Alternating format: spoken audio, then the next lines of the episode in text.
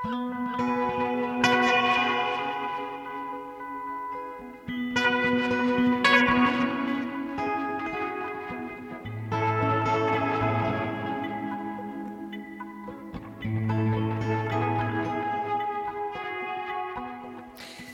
sæl og blessuð við sjá heilsar ágættu hlustendur miðvíkudaginn 20.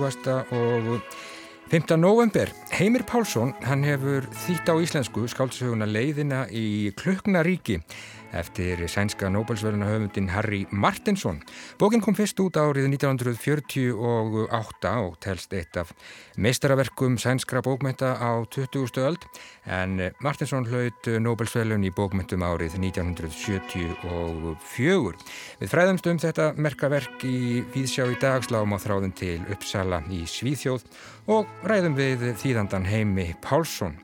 Við erum líka að fara í göngutúr um Þingholtin með tónlistarmanninum Úlfi Eldjárn og fræðast um hans nýjustu tónsköpun Reykjavík GPS.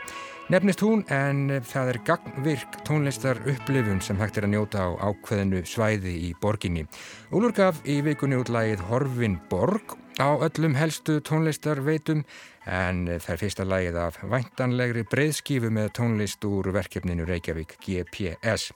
Halla Harðardóttir hitti Úlf við Hallgrímskirkju eldsnemma í morgunum er um það í þætti dagsins.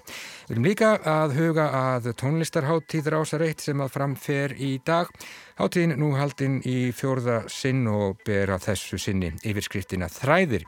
Anna Þorvaldsdóttir tónskáld, hún er listrætt stjórnamdi Háttíðarinn er að þessu sinni og við sláum á þráðan til hennar í Víðsjá í dag.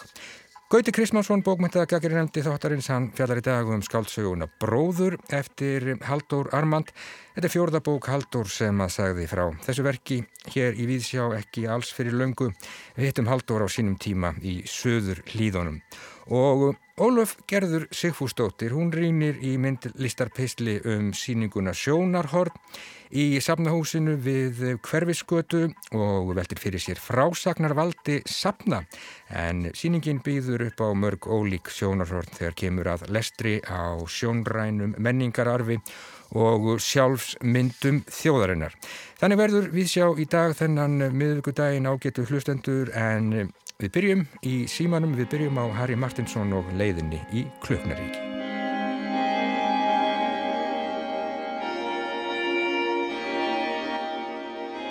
Við vorum að fá í hendur eh, merkilega skáldsögur sem heitir eh, Leiðin í Klöknaríki. Þetta er bók sem að koma út árið 1948 og er eftir sænska reytöfundin og Nobelsveluna höfundin eh, Harry Martinsson. Heimir Pálsson, hann hefur þýtt þessa merkubók sem að telst nú bara, já, svona bara eitt af eitt af meistaraverkum sænskra bókmenta á 20. Uh, öld. Heimir, þú situr í uppsölum, ég spyr þig bara og já, séum fyrst bara til hamingi með, með þessa bók. Hvaða, hvaða rít er þetta? Það getur fyrir. Þetta er í sjálfu sér uh, saga sem byggist að verulegu leiti, að tölverulegu leiti á eigin lífsreynslu skálsins, Harry Martinsson, en uh, er nú samt sem áður afskaplega frjálslega með farið. Hann var sjálfur flakkari bæði í Svíþjóð og annar stöðar og, og þekkti lífflakkaranna. Mm -hmm. Hann byrjaði þetta sem afskaplega raunsægilegt verk og, og þannig eru fyrsta sagan sem byrktist 11 árum áður en bókinn kom út. Já. Hún er, er raunsægis frásagn mm. af, af flakkarar. Eh, en svo, svo sagði hann sjálfur að henn rauði hann í stríðsins yfirgnæfði allar hrafna og allar krákur. Og eh, það var sjöður heimstyrjöldin sem breytti breytti verkinu raunverulega úr rannsæðisverkinu í þetta já, hvað, hvað að segja nýromantíska eða romantíska eða, eða bara hreinlega hreinlega ný Uh, ný stílaða verk. Já, bara uh, mót, sko, mótinismi líka með það að segja. fer, hann, hann fer eiginlega stundum með mann sko úr, úr næstum að segja uh, svona skrásetningu á staðtölum og einhverju sluðis yfir í hreina lírik sem er, er stundum bísna erfitt að, að fylgjónum í. Já. En þetta var óskaplega, óskaplega indislegt verk að, að fá að vinna þetta.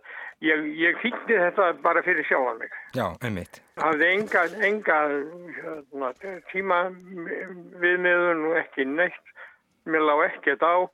Ég gæti verið, ég var eitthvað annað ára þessu og, og gæti unna mér eins lengi og ég vildi bara í hverju setningu. Já, og þetta er bók sem að fjallar, já, um, um vindlagerð og, og flakk, uh, kannski fyrst og fremst um, um flakk og þannig verið að lýsa, er það ekki, já, heimi sem að er að, að hverfa, uh, þarna vofir yfir svona yðinvæðing og, og þessi framþróun sem að, sem að svo var kölluð? Jú, þetta er að sömuleyti bein, beinlins uppgjör hans við innvæðinguna Já, og, og þetta sem er, er þarna gert að þessu makalösa dæmi þegar vélunna síkaretur taka við af handvöfuðum myndlum. Já, slæm þróun. sem, sem verður, verður þróunin sem hann er að raunverulega andmæla. Já, þessi höfundur uh, heimir Harry Martinsson, þetta stór merkilegur og eitthvað hefur nú verið þýtt af, af ljóðum hans á íslensku, Jóhann Hjálmarsson og fleiri hafa gert það og, Já, já. og skáltsaga hans Nettlurnar Blomgast, hún kom út hvað 58, Karl Ísfeld þýtti hana og Almenna bókafélagið gaf út, hann fær Nobelsvelum 1974, ansið stórt Já. nafn. Já, já, en það var náttúrulega sömurinn sko harmsaga lífsans að fá Nobelfjölunin, hann satt í akademíunni. Það gerði hann nú reyndar ásand með Eyvind Jónsson sem að fekk deildi velunum með honum. Þeir sátu tveir í akademíunni og það er, það er svona eitt af þessum óskiljanlegum nexlum þessar akademíu að hafa veitt uh, meðlimum hennar Nobelfjölun. Já, þeir bara veittu þetta innan hús. Já, þeir veittu þetta innan hús. Já, nákvæmlega. og, uh, og skáld réðust mjög harkalega á Harry Martinsson fyrir þetta og hann misti fótanna í lífinu hann fram til sjálfsvík Já, Harakiri. mjög dramatískan hátt Já, með skærum, 1978. Já, já. Já, einmitt. 78 þá, Já. þá framd hann Harakiri með skærum Já. Þú nefnir þetta með lírikina, hún er ótrúlega falleg og svimandi á, á köplum og það eru setningar hann sem að, já, gjörsamlega bara koma manni úr, úr jafnvægi, það eru svo, svo fallega og þú nefnir það líka að það hafi kannski ekkit verið mjög öðvelt að þýða þetta. Ég held að sko, ég eiginlega bara gekk inn í þessa sögu og, og hugsaði bara, ok, þá verði ég bara hér. Já, Og uh, ég held að það hafi aldrei komið fyrir mig áður og, og ég kannski ekki eftir að koma fyrir mig aftur að sitja með tárin í augunum og kvart í hálsunum nei, einmitt. yfir texta sem að ég var að berjast við. Já, Þetta er, þetta er ótrúlega krefjandi texti og indislegur. já, algjörlega. Og það er dásamlegt að fá þessa bók á, á íslensku heimir. Uh, Martinsson er líka þekktur fyrir, er það ekki, uh, ljóðaflokk sem að heitir hvað? Anjara. Anjara Já. er náttúrulega, það er, það er heims stórvirki að það er eini norræni ljóðaflokkur sem hefur orðið á Hollywood kvikmynd, Já, það ég best veit. Það hefur ekki gerst í annan stað. Og er, er alveg ótrúlegt verk. Og er svona af sumum talið eins konar framhald af, eh, leiðinni til Knök- í Kluknaríki því að, eh, því að þá, eh, þá er þá litli hópur sem eftir er af, af jarðarbúum, hann er á siglingu út í geiminn já, til Mars. og, og það eru það eru endalok það eru, einu eiginlegu endalok manns, mannkynsins Já, og þetta hefur verið en kvikmynd, kvikmyndað og gerð, gerð óper eftir þessu líka. já, já, og gera ópera og, og það er, er afskaplega minnistæður flutningur Björns T. á Björnssonar á þessu í, í hérna útvarpið þegar hann var með, með Erlend hefni á síðkvöldum stundum Mm og spilaði að nýjöru. Já. Ég, ég hlustaði á þetta og, alveg óskaplega. Það var gaman að, rifja það, það upp við tækifæri en uh, leiðin í Kluknaríki er komin út á íslensku. Heimir Pálsson, þú situr í kófinu í Uppsölum. Hvernig er staðan? Æ, við skulum ekki tala um það. Nei, við skulum við. heldur tala um bókmyndir. Já, ég segi bara enn og aftur til hamingi með Ég skálsuna. vil kæsta þess að. Já, leiðin í. Þakka þér fyrir. Takk fyrir spjallið. Takk að ég fyrir það. Takk.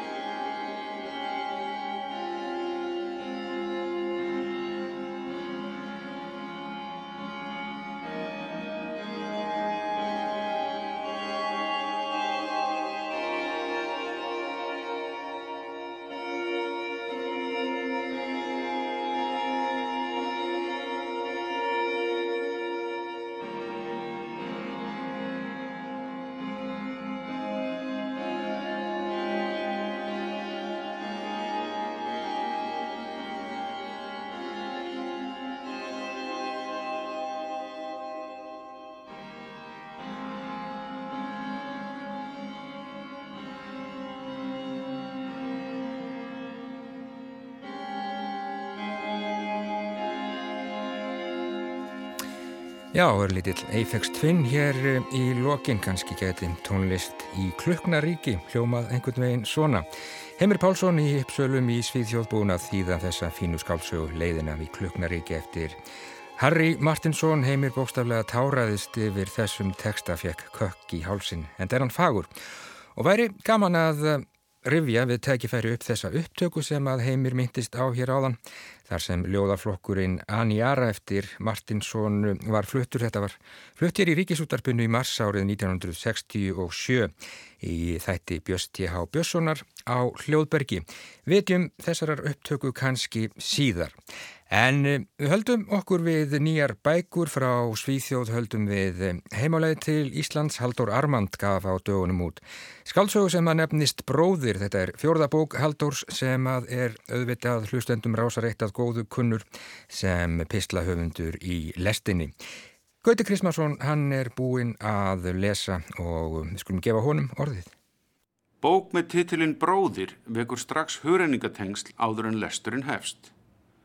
Spurninguna á ég að gæta bróði míns þekkjum við vel flest og það kemur ju í ljós að hún á að einhverju leiti við nema hvað spurningin geti verið á ég að gæta sýstur minnar eða á sýstur mín að gæta mín. Þetta eru óorðaðar spurningar í sögunni sem þó er full af spurningum, retorískum og innilegum um tilgang lífsins og líinar eða öllu heldur lífslíinar. En textatengslinn á víðar þeim sagt að segja ægir saman í bókinni. Við getum þóst heyra í Shakespeare, Halldóra Lagsnes, Íslendingasögum, Nánar Fóksbræðrasögu og auðvitað meiri í biblíunni. Hér er komin vestla fyrir bókmyndafræðinga og lesendur reynda líka. Bók sem tekst á við stórar spurningar tilverunar og reynir ekki að svara þeim með neinu nema skálskapnum. Þessari eftirlíkingu sem segir allansins sannleika með lígi.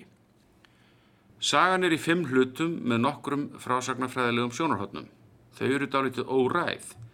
Hún hefst á þriði personu frásögn, nokkus konar prólókusi, skiptir yfir í fyrstu personu þegar sagan hefst í fyrsta hluta af fimm og heldur því einhverju leiti, en alls ekki alveg.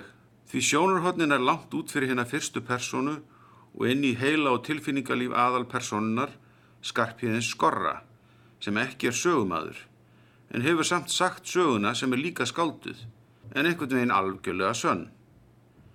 Í lokin tekur svo fyrsta personan alveg yfir og óvænt endurlokkin blasa við. Þau splundra frásagnarammanum þannig að við verðum að velta fyrir okkur hvort þessi ámarkanhátt raunsæðislega frásögn er einhvers konar uppgjör eða heimsbyggilegur og á stundum surrealískur tilbúningur eða draumur.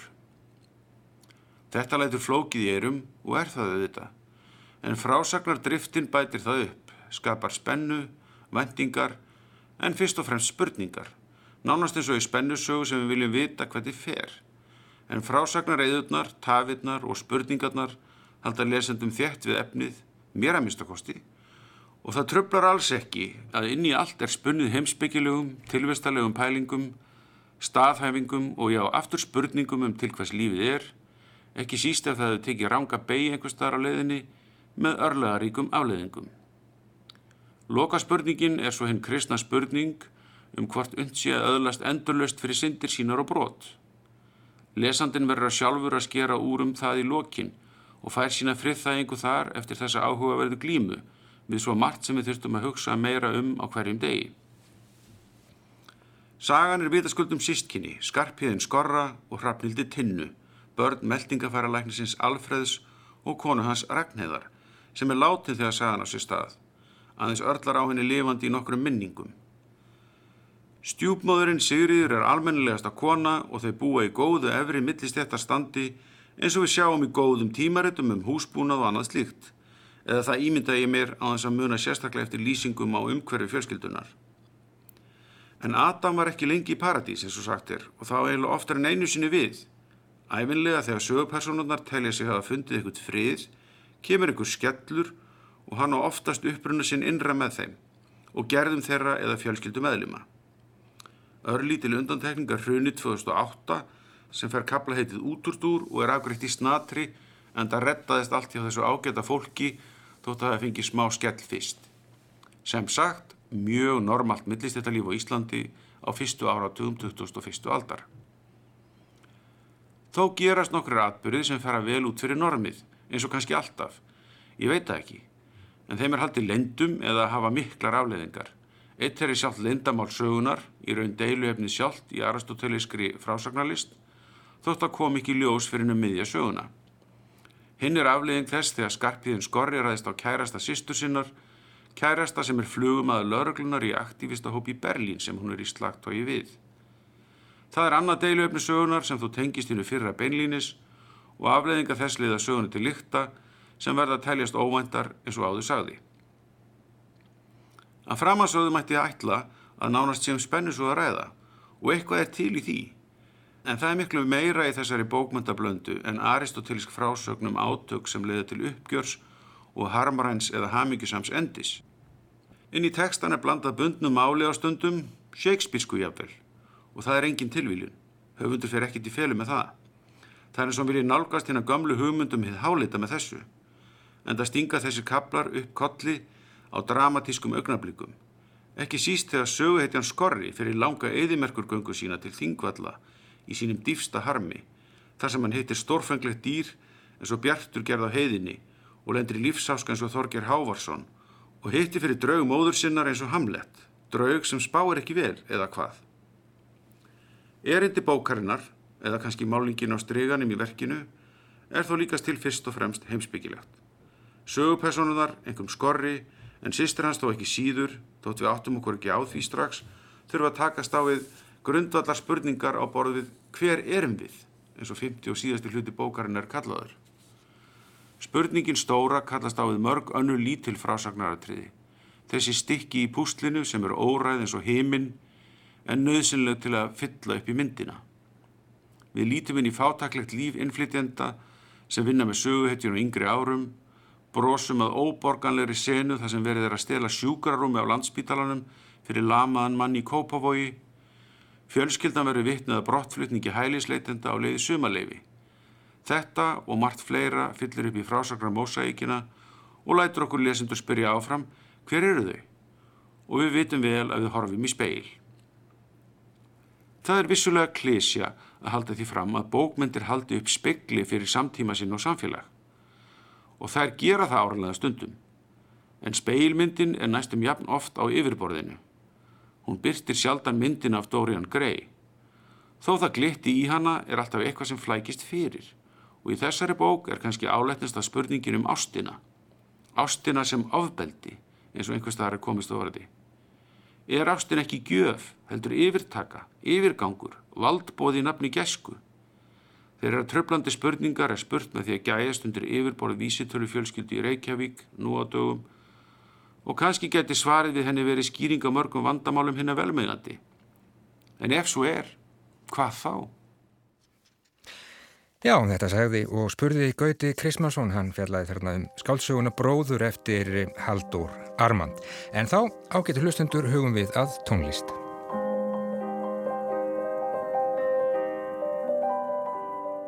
Tónlistarháttíð Rásar 1, hún verður haldinn í dag, þetta er í fjórðasinn sem að þessi háttíð er haldinn og já, herrlega heitinn þau byrja núna bara klukkan eh, hálf sjö. Yfirskriftin að þessu sinni er þræðir og það er eh, þema háttíðarinnar eins og ég skilða.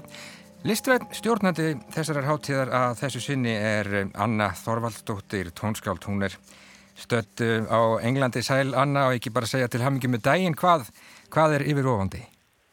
Já, takk fyrir það. Það er hérna mjög spennandi. Við erum búin að vera eh, eins og það er að vinna með eh, þema þræðir á, fyrir tónlistarháttið Rásar 1 og mm, það var mér alveg einstök ánæg að panta fjögur ný tónverk af fjórum uh, íslenskum tónlistskáldum og þau verða öll frumflutt í beinu streymi á háttíðinu þar sem við getum því miður ekki í dagfengið áhörundur í sál eins og allir vita. Um, en þetta verður alveg einstaklega glæsilegt og tónlistahópurinn Elektra sem að flytur verkinn þeirra. Já, og þetta eru verk eftir jáfjögur ólík uh, tónskáld. Uh, það eru Haugur Þór Harðarsson ekki satt Högni Egilson Sólei Stefansdóttir og Veroník Vaka.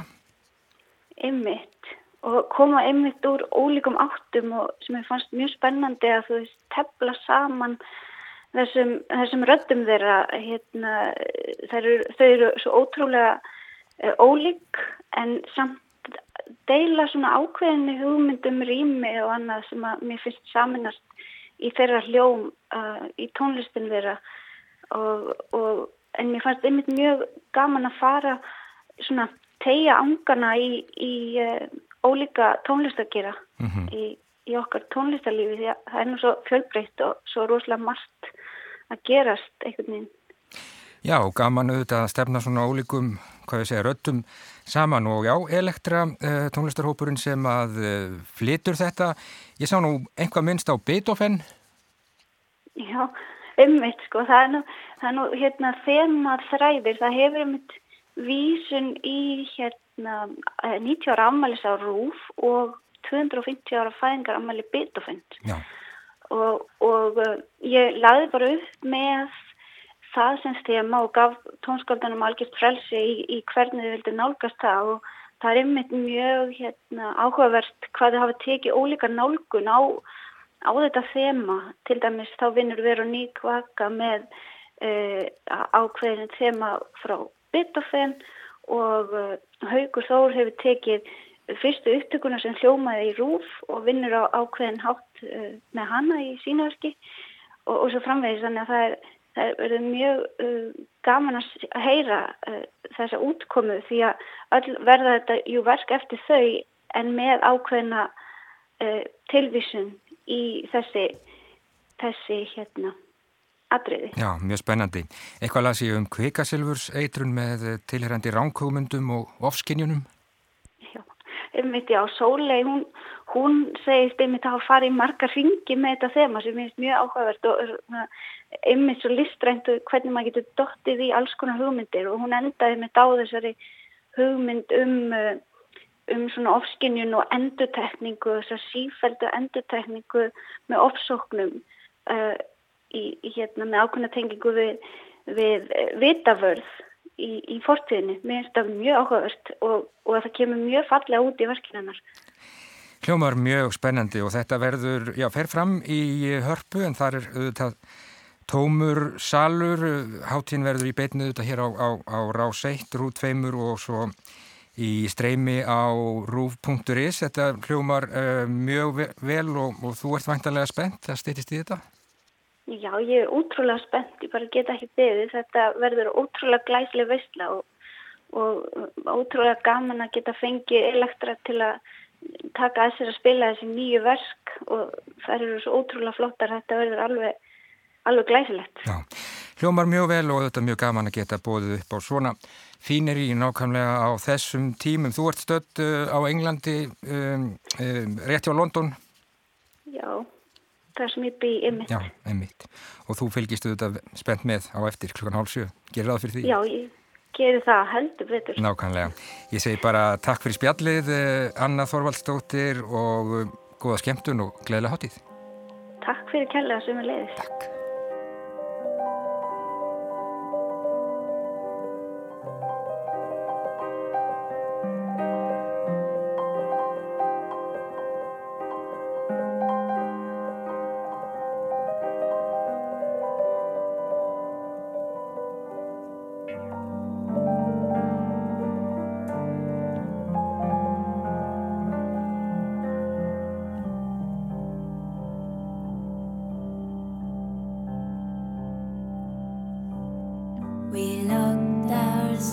inside. The clown was.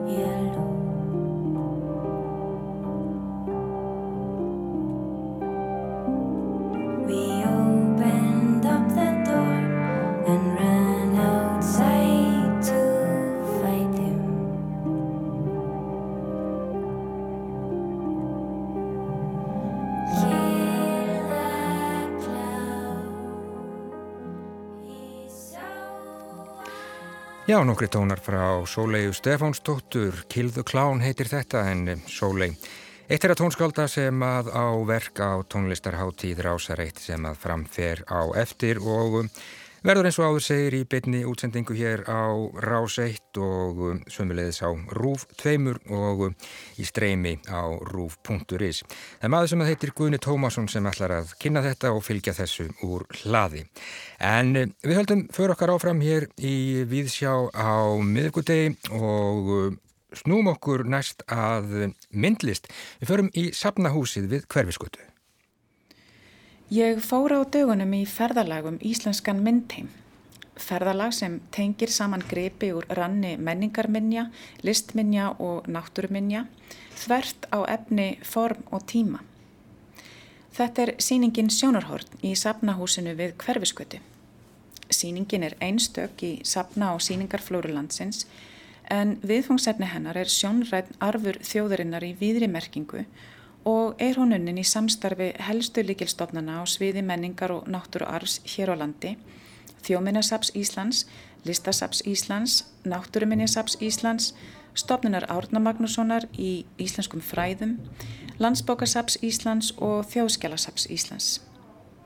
Sjálf sótti ég sapnahúsið síðast heim í eigin personu fyrir um tveimur árum og nú þegar við erum öll að skrýða úr COVID-hýðinu fannst mér tilvalið að brúa bylið yfir í raunheima með því að skoða síninguna aftur nú með vef leðsögn á heimasíðu sapnahúsins sapnahúsið.is. Ég mæliði þetta frekar með fysiskri heimsókn fremur en vefleðsögn því það jafnast jú ekkert á við upplifun á sapni þar sem finna má fyrir aðdráttrafli gripa og verða fyrir sjónrænum og líkamlegum áhrifum og óvendum húrenningatengslum. En fyrst verður að nefna að samstarfs og margra menningarstofnana er einstakt en síningin markaði tímamóti í safnastarfi hér á landi þegar hún opnaði fyrir um fimm árum. Svo viðamikið samstarf er flókið í þróun og framkvæmt og segjast verður að afar vel hafi tekist til við að miðla afrakstrunum á heilstæðan og áhugaverðan máta. Þar að auki heiðrar síningin Sapnahúsið sjálft á viðegandi hátt sem uppalega var byggt til að varveita og miðla menningarminnjum en það var opnað árið 1909 og er nú eitt eftirtakt að verasta hús borgarinnar. Á þessum upphafsárum hýsti það sapnkost landsbókasapsins og þjóðskjálasapsins en bæði forgripasapnið sem síðar var þjóðminasapnið og náttúrugripasapnið fengu inn í húsinu um tíma. Þetta er því merkilegt hús í sögusafnastars á Íslandi sem annars telst vera fremur stutt í alþjóðlega samingi en það var ekki fyrir árið 1863 sem forgrepasafnið var stopnað. Fram að því hafðu íslenskir gripir engum verið varvettir í dönskum söfnum og fyrstu árin eftir stopnum þess var sapkosturinn á flakki milli háalofta í ímissa ofnbæra bygginga eins og domkirkjunar, tugthúsins, alþingishúsins og landsbankans þanga til að fjekk inni í risi safnahúsins. Við stopnum líðvildisins árið 1944 ákvað alþingi svo að reysa þjóminasafninu eigið hús og flutti það í núverandi húsnæði við Suðurgötu stuttu síðar. Aðra sögu er hins vegar að segja af náttúruminasafninu sem hefur um árabil verið á hrakólum með sinn sapkost án eigin sapbyggingar eða viðægandi aðstöðu fyrir síningarstarfsemi. Það er því kerkomið að fá að sjá í návíi valda greipi úr safnið náttúruminnarsafsins á þessari síningu í safnahúsinu. Nú, en þegar gengið eða hlustað er í gegnum síninguna má finna stert að hún er afrakstur mikilar og góðrar undirbúningsvinnu og vandað hefur verið til verka í kvíðirna, hvort sem það lítur að framsetningu og miðlun í síningarsölunum sjálfum, takstagerð, framsetningu á vef, útgáfu eða fræðslefni. Hér má sjá forngripi, handverk, náttúruminjar, hönnunargripi, listaverk, handrit, landakort og skjöl af ymsu tægi. Þessir gripir eru skoðaðar með sjóngleiri listasögunar og hins fagufræðilega og þannig má sjá við letni til að endur skoða þraunga tólkun muna sem hinga til hefur ekki verið miðlað frá þessu sjónarhortni. Sýningin er sérstaklega aðeglisverð fyrir þá staðrind að hún augrar höfbundnu flokkakerfi sapna Þar sem náttúrugripur eru vennilega hópaðir saman á náttúruminjasöfnum, listmunur á listasöfnum og menningarsögu minjar á þjóðminjasöfnum, byggðasöfnum eða skjálasöfnum. Það er því afar frískandi að sjá gripi úr óvandum áttum sínda saman hlið við hlið, klókt síningarbráð sem brítur upp hefðbundin lestur á sögunni og býr til ný vennsl millir hluta sem við fyrstu sín virðast alls óskildir. Þannig eru til dæmis landakort frá átjöndöld, uppstoppu dýr og samtímalist sett saman í rými sem opnar annars konar lestur en alla hafiði orðið ef hver gripur fyrir sig var skoðaður í sínu hefðbundna umhverfi. Þá fellur hönnun síningarinnar fullkomlega að þessu markmiði og minnir á förðustofur endurreysnarinnar þar sem ólíkum gripum ægði saman og ekki var gerður stigveldis munur á þeim eftir því hvaða flokkunarkerfi þeir tilherði. Sýningarstjórnun Sjónarhorts er í höndum Markusar Þórs Andrissonar sem er einn af reyndustu og færistu sýningarstjórum í íslenskri myndistarsennu. Markus fer þá leið að brjóta þessa risavöksnu síningu niður í sjö áhugaverð og ígrundu sjónarhorn sem hvert og eitt hjálpar áhörfandanum að innbyrða það gífulega magn upplýsinga og gripa sem príða síninguna. Sjónarhornin sjö kallast upp, aftur og aftur, speillin, inn út frá vöku til grafar og niður og vísa þannig til aðtannarinnar að horfa, hvort sem það er að horfa á verkinn sjálf, spekla sig í þeim eða horfa inn á við. Hvert sjónarhorn hefur seti viðfangsefni eins og til dæmis samband manns og náttúru, sköpun og þróun þjóðarsjálfsýmynda, trúarlegt og verallegt vald eða þekkingarframlegslega og vísindi. Þessi nálgun hvetur áhorfandan til að velja sér sitt sjónarhorn um leið á honum er ljóst að ekki er til neitt eitt réttmætt sjónarhorn á menningararfin. Þannig færi síningur okkur verkfæri í hendur, nýjar vittir og viðmið þar sem annars konar lestri á sögunu er beitt, þannig að nýrskilningur og nýtúlkun verður til á þessum þjóðargersemum sem annars myndu eftirvill liggja óséðar í geimslum samstafstofnanana. Þótt síningin sé svo kallið fastasíning sem því hún breytist lítið sem ekkert milli ára, þá er svo kallum kjörgripum skipt út með reglulegum hætti. Núverandi kjörgripur er Ganymedes eftir Bertel Thorvaldsen og fer vel á því að velja þessa klassísku högmynd nú sem kjörgrip þar sem 250 ára afmali Thorvaldsens var fagnad með veglegri dasgrá í listasafni Íslands fyrir stuttu.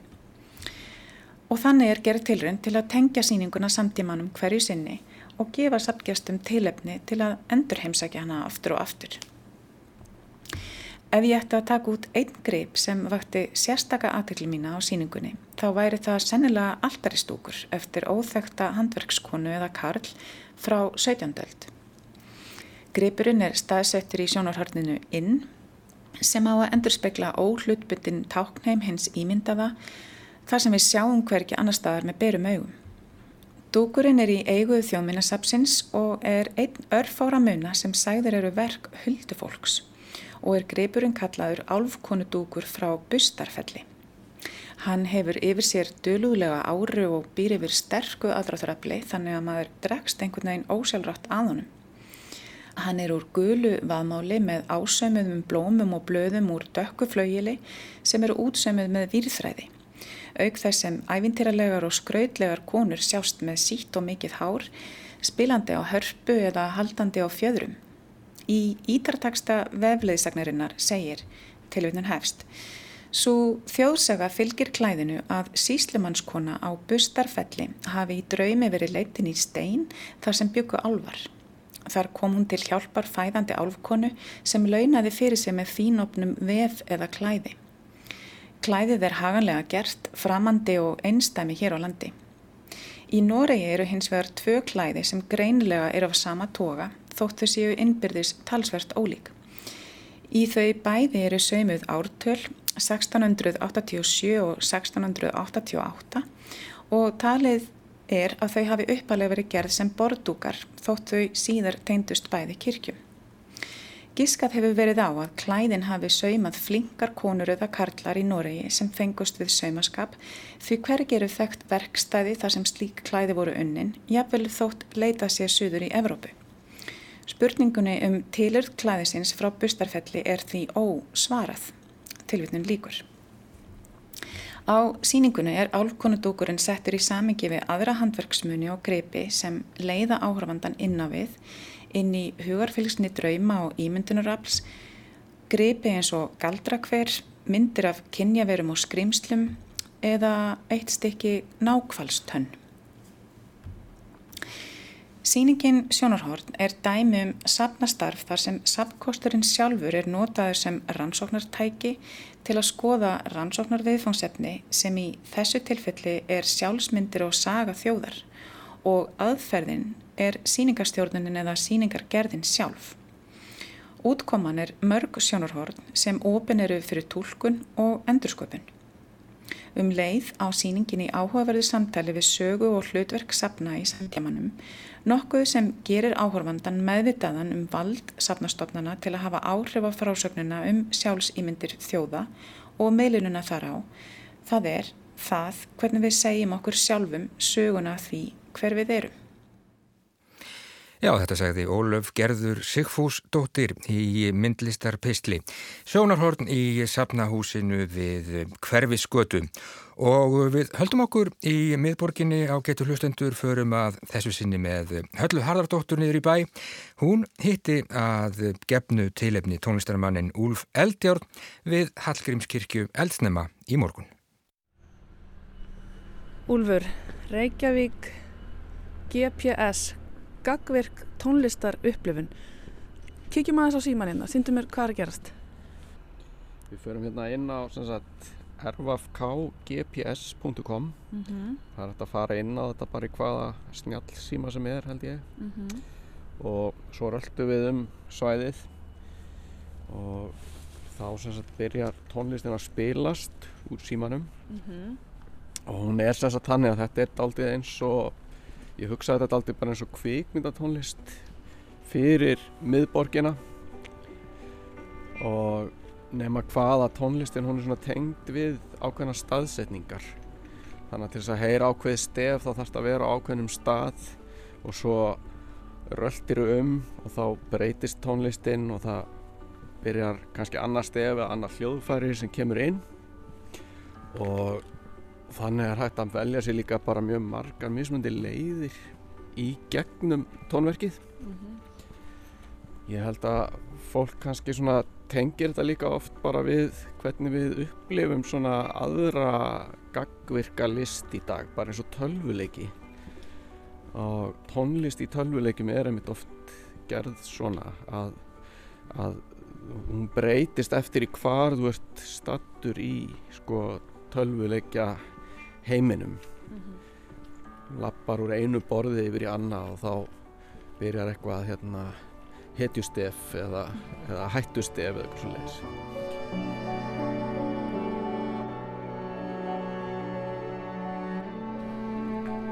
Já, kannski rétt að láta hlustendu vita að við erum hérna stödd tölum að sem þetta svæði, við erum í Þingkoltanum við erum við Freyjugötuna og það er hér sem að þessi þetta tónlistarverk er staðsett? Já, er svæðið spannar svolítið þennan hefbundna miðbæ í Reykjavíkur svona frá hljómskólagarðinum út á höfn aðalstræti og upp á skólavörðu hold mm. og þetta er náttúrulega svona svæði sem að er mjög gaman að rölda um það er náttúrulega ekki bara einhverja vestlunagötur hérna heldur eru til dæmis öll þingkoltin hérna sem að Eh, mér finnst alltaf ákvæmlega svona sjármælandi og hér á ég persónulega mjög margar minningar og maður hefur líka svolítið verið að horfa bara undanferðin ára og maður hefur verið að horfa borgin að breytast mjög mikið og þetta er ekki síðu svona kannski alltaf óður til Reykjavíkur sko sem að er bara eins og hann var og eins og hann er að breytast og eins og hann á eftir að verða mm -hmm. Já, það sem er skemmtilegt við þetta er að við hérna meðan við göngum uh, þá auðvitað svona hreyfist tónlistin með okkur. Þetta er algjörlega svona persónabundin upplifun. Já, algjörlega og hérna, þú veist, í raun og veru heyrir engin sömu útgáfu af verkinu. Það bara, og þetta, þetta er alltaf svona ratleikur í raun og veru líka mm -hmm. og það sem kannski kom mér mest ávart þetta var náttúrulega algjör tilrauna mennska og ég fekk hérna bróðu minn Haldur sem að er bæði tónlistamæður og forritari. Hann gerði þetta í raun og veru með mér. Hann sem sagt á heiðinu því að hafa leist svona tækni hliðina á forritunarmálinn og þetta var rosalega mikil tilraun þegar við fórum að gera þetta. Við vissum ekkert alveg hvort þetta myndi virka og, og hvernig það kæmi út. Og það sko raun og veru kom mér rosalega óvart hvað, hvað upplifunin er hérna hvað hún virkar vel sko að mínum að allavega. Mm -hmm. já þetta er líka hluti af verkinu er bara borgin sjálf og það sem hún sérð á meðan þú ert að röldum hana. Og þetta er aldrei svona tengist aldrei kvikmyndatónlist. Þetta er svolítið svona ég það, það þekkja náttúrulega allir það að setja einhverja góða tónlist í heyrnatól og fara í lappitúr og það verður ótrúlega mikil áhrif á hvernig þú upplifir það sem þú sérð hvaða tónlist þú ert að hlusta á. Og þannig að það er alltaf fallegt sko að maður svona fer svolítið inn í sin eigin heim og maður byrja kannski að sjá hlutina aðeins öðruvísi með þetta soundtrack eða hljóðspor í gangi. -hmm. byrja Hallgrímskirkja að spila. Soundtrack borgarinnar. Já, þetta er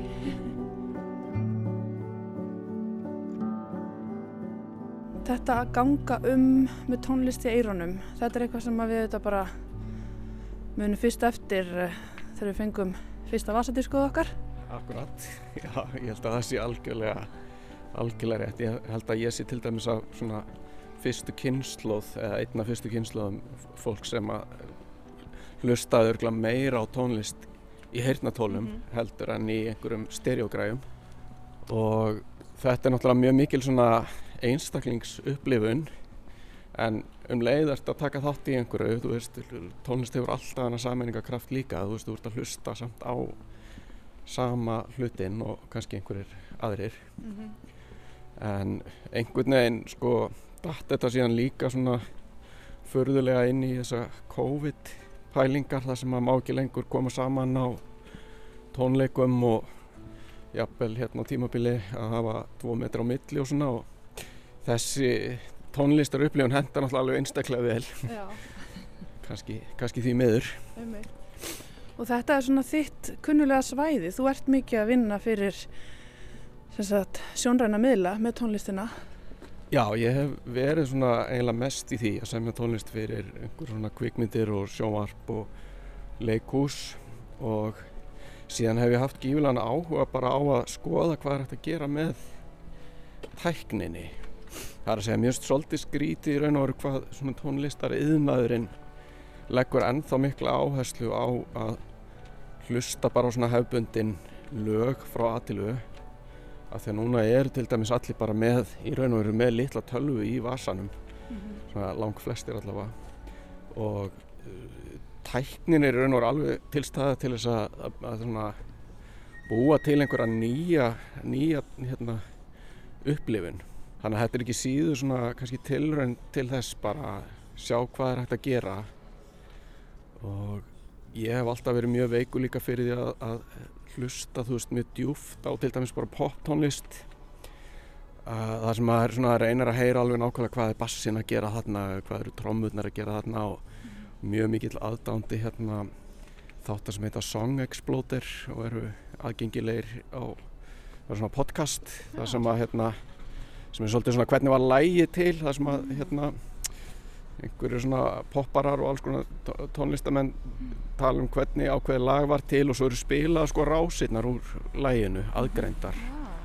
Þess að maður heyri kannski þú veist, já, voru svona trómutnar voru teknar upp svona og svo ákveða að bæta sér hristu við sko. Mm -hmm. og þetta verk hérna Reykjavík GPS er í raun og veru þannig sko að, að þetta eru svona ákveðin stef sem eru í gangi og þau eru spilað mörgum hljóðfærum í einu en svo er ég búin að dreifa þeim hérna svolítið um miðborgina þannig að hún kannski gengur upp eina götu og þá ertu kannski bara að heyra fyllupartinn og svo kemur fyrir næsta götu hot sko þá koma trómutnar aftur inn og, og alls konar svona þú veist þetta er í raun og verið aldrei svona remix mm -hmm.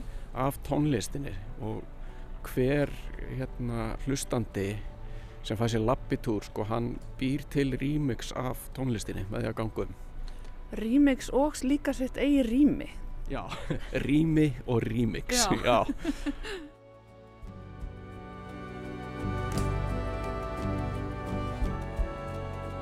En hérna, það örugglega ekki verið auðvelt að hérna, búa þetta allt saman til E, sko ég held að í raun og veru svona forritunar hlutin var lang svona Haldur bróður minn sem er svona tölvu snillingur sá náttúrulega um það að mestu leiti og við svona pældum mjög mikið síðan í einhverju virkni hvað, hvað þetta þyrfti að geta gert og hvað þetta ætti ekki að geta gert. Ég held að það sé einmitt svona vesta, mesta vandamáli við svona verk það er bara hvað á að draga hérna línuna þú veist. Á, ef að gera verk sem að virka þú veist bara á þessu svæði eða ef að láta það virka út um allan heim. Og við ákveðum að það væri mjög sniðut þetta væri bara svona algjörlega lokal upplifun. Og hérna um, tónlistin í sjálfu sér er eins og ég segi sko fyrir mig eins og ég vinn tónlist þá er ég svo oft að taka upp einhverja svona uh, svona marglaga. Þú veist maður kannski býr til ákveði lag og síðan fær maður endalust af hugmyndum inn í lægið og maður vill bæta við einhverjum hljóðfærum og svona og oft er maður hvað sem er í vandræðum sko með að að velja og hafna þegar kemur að því að vera svona hljóðblanda lægið þannig að þetta í raun og veru kannski býr bara til svona tækifæri til þess að leifa meira af efninu að njóta sín líka. Sem er svona kannski skemmtilegsta uppgötunin fyrir mig Þetta kannski eftir að leiða þig á nýjar slóðir. Já, sko ég held að það séu bara mjög margir sem eigi eftir að fara meira inn í þetta. Ég meina maður hefur alveg séð svona mjög skemmtilega tilraunir. Þú veist, ég meina eins og Björk hefur til dæmis gert nokkur svona prójekt sem eru, sem eru svona gagvirk og það sem að kannski gerist þarna til dæmis er það að að í staðan fyrir að, að þú sem hérna tónlistamæðurinn veljir allar bestu tökurnar sjálfur að þá kannski fær hlustandi sko tækifær til þess að fara aðeins dýbra inn í efnið og velja svona eiginlega sjálfur velja með þér hvað hann heyrir. Það verður svona samvinna. Já og sko flesti sem ég hef svona látið prófa þetta svona fengið til þess að hlusta eh, að tala mjög margir um það að þeir líka hlusta svolítið öðruvísi. Þeir eru komin í þetta er einhvern veginn pínu svona aktívari og kannski taldið þakklátari hlustun líka. Af því að hérna af því að það er einhver forvitni sem leiður mann áfram frekar en endilega að maður svona bara þú veist eins og þegar maður er að, með bara hlusta á þryggja mínútna poplag þá er maður með ákveðina væntingar um upphaf og ris og endi og maður er mjög fljótur að fara í einhver svona gaggrinnenda stellingar þar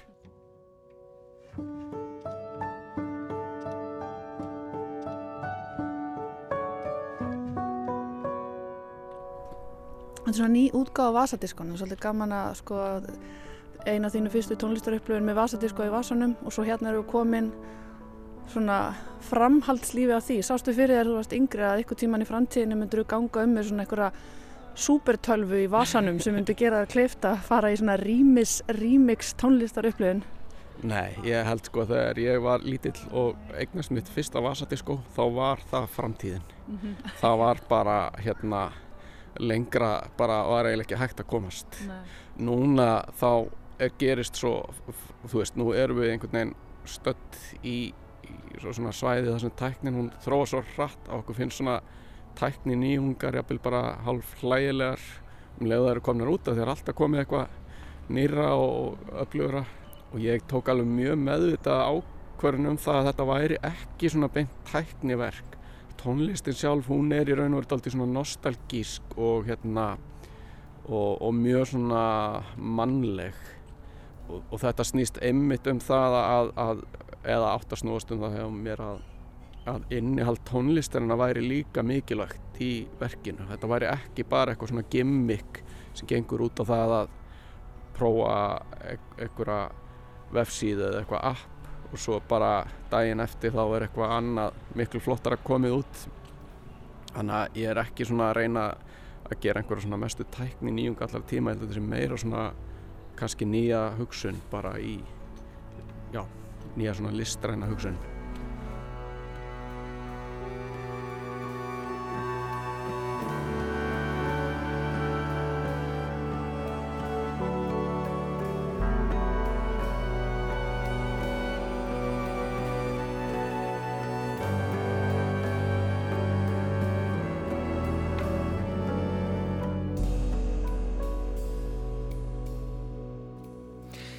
Já, Halla Harðardóttir og Úlfur Eldjárn, tónlistarmadur í brakandi morgunkirfið Hallgrímskirkju í morgun. Reykjavík GPS, gagnvirk tónlistar upplöfun sem hægt er að njóta á ákveðinu svæði í borginni. Og svona ætlum við að ljúka viðsjá í dag á getur hlustendur viðsjá hér aftur á sínum staðalöst eftir klukkan fjögur á morgun. Teknimaður í þessari útsendingu var Kolbeitt Sofjusson. Takk fyrir samfélgina í dag. Kærlega verið sæl.